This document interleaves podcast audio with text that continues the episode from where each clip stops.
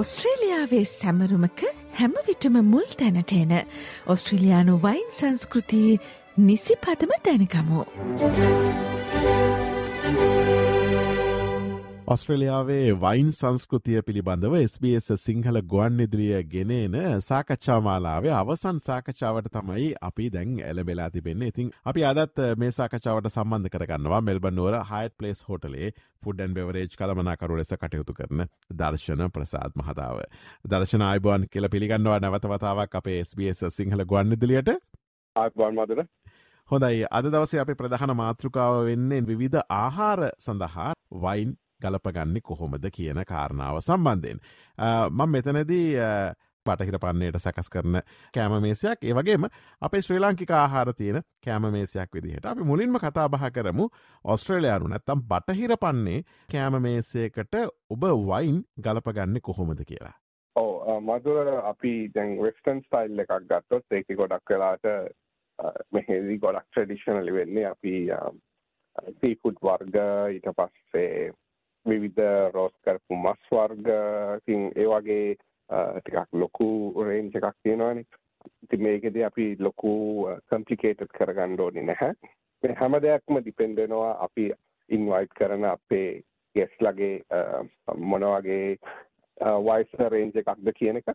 මේ හැම දෙයක්ම තීරණය කරන අපි වැදගත්ම දේ තමයි මොන වගේ ගෙස්ලද අපිත් එක්ක කෑමට වාඩි වෙන්නේ කියන එක. එතකොට ඒ හැමෝටම හරියන වයින් වර්ගයක් තෝරා ගැනීම ඉතාම වැදගත්. මේ වෙලාවේ කියන්න ඕන දෙයක් තමයි කිසිම දෙකක දෙයක හරි හෝ වැරදි කියලා දෙයක් නැහැ. නමුත් හැම දෙයකටම හරියන්න දෙයක් තෝරා ගැනීම තමයි වැදගත්. විශේෂයෙන්ම සීෆුඩ් සහ සැලඩ්ස් වගේ දෙයක් අපි කෑම මේසයට තියෙනකොට ඒකට හොඳටම මැච් වෙනවා හොඳ ට්‍රෙඩිෂනල් මෙතඩ් එකට හදපු ස්පාර්ක්ලින් වයින් එකක්. ඒ වගේම ඉතාලියානු ක්‍රමයට හදපු ප්‍රොසේකෝ එකක් හෝ රොසේ වයින් එකක්. ඊට පස්සේ අපි කැම්මේසේ තියෙන මස් වර්ග ගත්තොත් අපි පොඩ්ඩක් ඒක බෙදාගමු. චිකන් ටර්කී වගේ වයිට් මීට් ඒ වගේම අපි සමහරලාට බේක් කරනවා ෆිෂ් ඒ වගේ එකකදී අපිට පුළුවන් විතාපක් පහසුවෙන්ම පිනෝ ග්‍රී එකක් රිස්ලිං එකක් ශාඩනය එකක් වගේ එකක් පාච්චි කරන්න කෙනෙකුට හිතනවා නම් රෙඩ් වයින් එකක් පාච්චි කරන්න ඕන කියලා ලේසියෙන්ම පුළුවන්. ලයිට් කැබනේ ෆොංක් පීනනවා වගේ රෙඩ් වයින් එකක්. ඒකම අපි පාච්චි කරනවා නම් රෝස් කරපු බීෆ් එකක් කෝක් එකක් හෝ ලෑම් එකක් වගේ එකකටදී සාමාන්‍යයෙන් අපිට මැච් කරන්න පුළුවන්.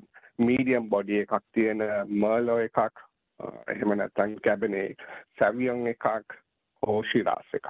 හොඳයි දර්ශන අපි දැන් කතා කරේ බටහිර පන්නේ කෑම මේසයක් සම්බන්ධ නැත්තං ඔස්ට්‍රලයානු සාම්ප්‍රදායක මේසේ පිළිබඳව. දැන් අපි ශ්‍රී ලාංකික ආහාර පාන රැගත් ශ්‍රී ලාංකික ආහාර මේසයක් ලෑස්ති කරගෙන ඉන්නට පුළුවන්.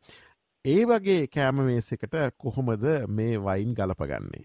ඔව. විශේෂෙන්ම අපේ සාම්ප්‍රදායක කෑමවල ගොඩක් රසවත්ව හදනකොට අපි ගොඩක් වෙලාවට ගොඩක් ස්පයිසස් පාවිච්චි කරනවා.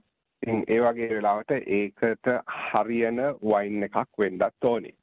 ඉතින් ඒ වගේ අවස්ථාවක අපි අපිට උරුම සම්ප්‍රදායික ආහාර පානය ප්‍රදානය කරන වෙලාවේදී විශේෂයෙන්ම අපිට පුළුවන් ස්පාර්ක්ලින් වයින් එකක් විදියට මම හිතනවා ස්පාර්ක්ලින් මොස්කාටෝ එකක් වගේ එකක් ඒකට මැච් වෙනවා ඒ වගේම ලයිට් වයින්ස් තමයි ගොඩක් වෙලාවට හොඳ.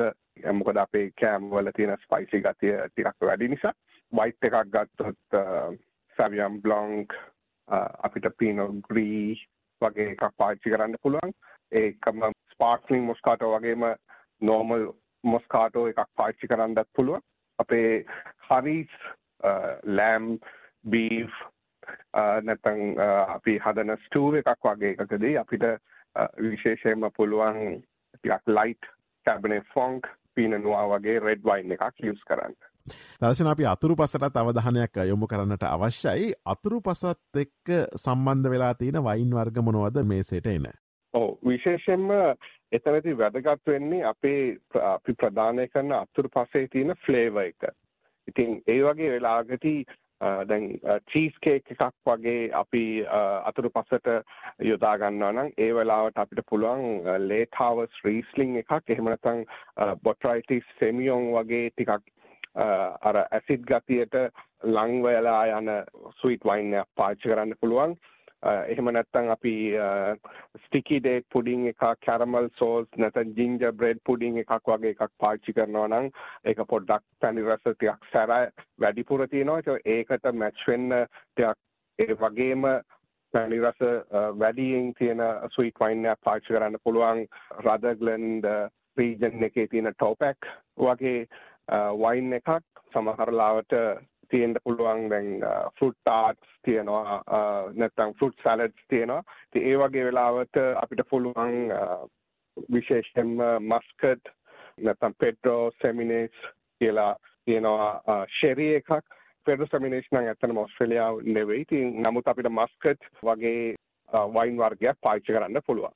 ශ්‍රී ලාංකික ක්‍රමයට හදපු කෑම මේසයක තියෙන අති පැණි රස වර්ග ගත්තොත් ගොඩක් වෙලාවට වටලප්පන් ෆුඩ් සලට් එකක් කිරි පැණි වගේ දෙයක් තියෙන්න පුළුවන්. ඉතින් ඒ වගේ වෙලාවකදී කිරි පැණි වලට අපිට පුළුවන් ටිකක් ඩ්‍රයි ඕෆ් ඩ්‍රයි මොස්කාටෝ එකක් වගේ එකක් පාවිච්චි කරන්න.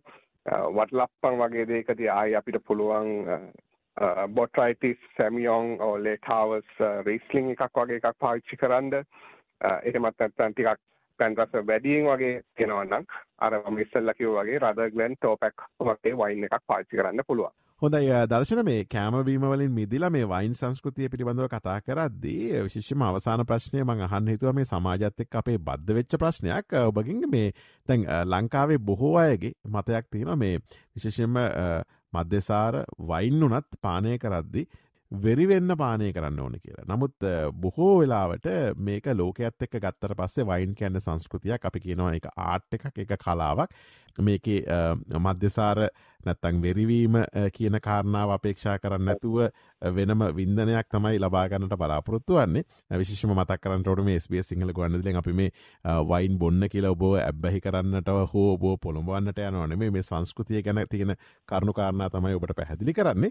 මේ වයින් විශේෂයෙන්ම ගත්තොත් එහෙම අපි මෙතනදි වයින් ගැන කතා කරන හින්දා වයින් බොන්න ඕනේ හොඳටම වෙරි වෙන්නද මේ ප්‍රශ්න පොඩ්ඩක් අපි ඔබේ අත්දැකීම් එක්ක පැහැදිලි කරගමු අවසාන වශයෙන්. ඔව් මధుර ඇත්තටම මම මේ මේ ඔයා ඉස්සර ඒකේ ඔයාගේ ප්‍රශ්නම පොඩි කැලලකුත් තිබුණා මම මේකට යොමු වෙන්න ප්‍රධාන හේතුව විදියටත් මොකද මම මේ හෝටල් ශ්‍රේෂ්ඨයට එනකොට මත්තන් කියන එක පාවිච්චි කරන කෙනෙක් නෙවෙයි.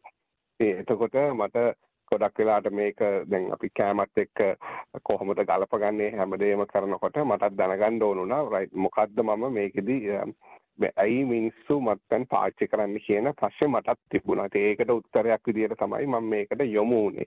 ඉතින් ඒ ඒකම මම අදටත් කිසිම වෙලාවක කිසිම තැනක මගේ වැඩ කරන මගේ සගයන්ටවත් අලුතෙන් එන ශේෂ්ත්‍රයට අලුතෙන් එන කෙනෙකුටවත් පුහුණකදීවත් මත්පැන් බීම කිසිම වෙලාවක එන්කරේජ් කරන්නේ නැහැ. අර කිව්වා වගේ ඒක ආර්ට් එකක් ඒක අපි ඕනම දෙයක් ඕනට වඩා වැඩියෙන් ගතොත් අත්බැහිවීමක් වුණත් ඒක හොඳ නැහැ. නමුත් මෙතනදී අපි ගොඩක් වෙලාට පුරුදු වෙන්න සහ අපි හැමෝටම කියන්නේ කරන්න කියලා විශේෂයෙන්ම මම වයිනරි එකක කාලයක් වැඩ කරනකොටත් දැකපු අත්දැකීම තමයි අපේ අය හිතනවා මත්පැන් ගත්තොත් ඒ ගන්න ඕන වෙරි වෙන්නම කියලා.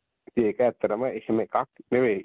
එතනදී අපි ඒකේ තියෙන රසය ඒකේ කොහොමද මේ මේ ෆ්ලේවර්ස් එන්නේ ඒතොර ටිකක් බලනකොට ඒ ෆ්ලේවර්ස් ඒක විඳින ක්‍රමයක් තියෙනවා. ඉතින් මං හිතන්නේ අපි හැමෝම අන්න ඒකට පුරුදු වුණා නම් තමයි හොඳ කියලා මම හිතන්නේ කිසිම වෙලාවක අපි මේ මේ මේ කිසිම දෙයක් මේ අපි කියපු කිසිම දෙයක් ඕනවට වඩා භාවිතා කිරීමෙන් වැළකින්න ඕනේ. ඒ වගේම විශේෂයෙන්ම හෝටල් ශිෂ්ටට එන අයටත් ඒ වගේම නවක නැත්නම් අපේ තරුණ තරුණියන්ටත් මම කියන්නේ උත්සාහ කළා බලන්න. නමුත් ඒක තමන්ගේ පාලනය කිරීමේ හැකියාව තියෙන මට්ටමින්.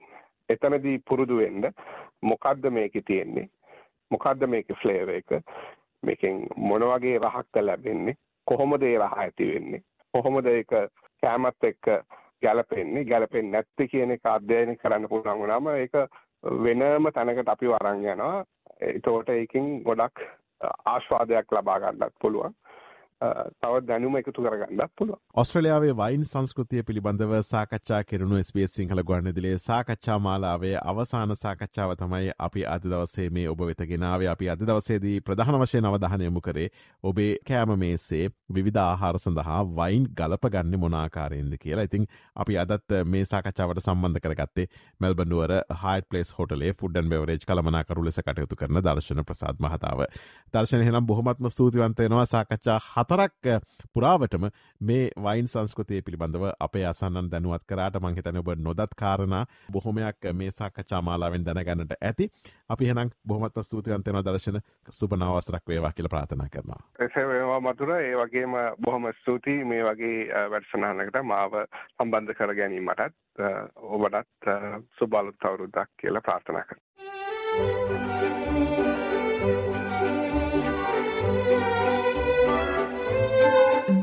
සතුට සමග ජීවිතය හා බැඳුණු ඔස්ට්‍රේලියාවේ වයින් ගැන ඔබ නොදත් කතා SBS සිංහල සේවෙන්.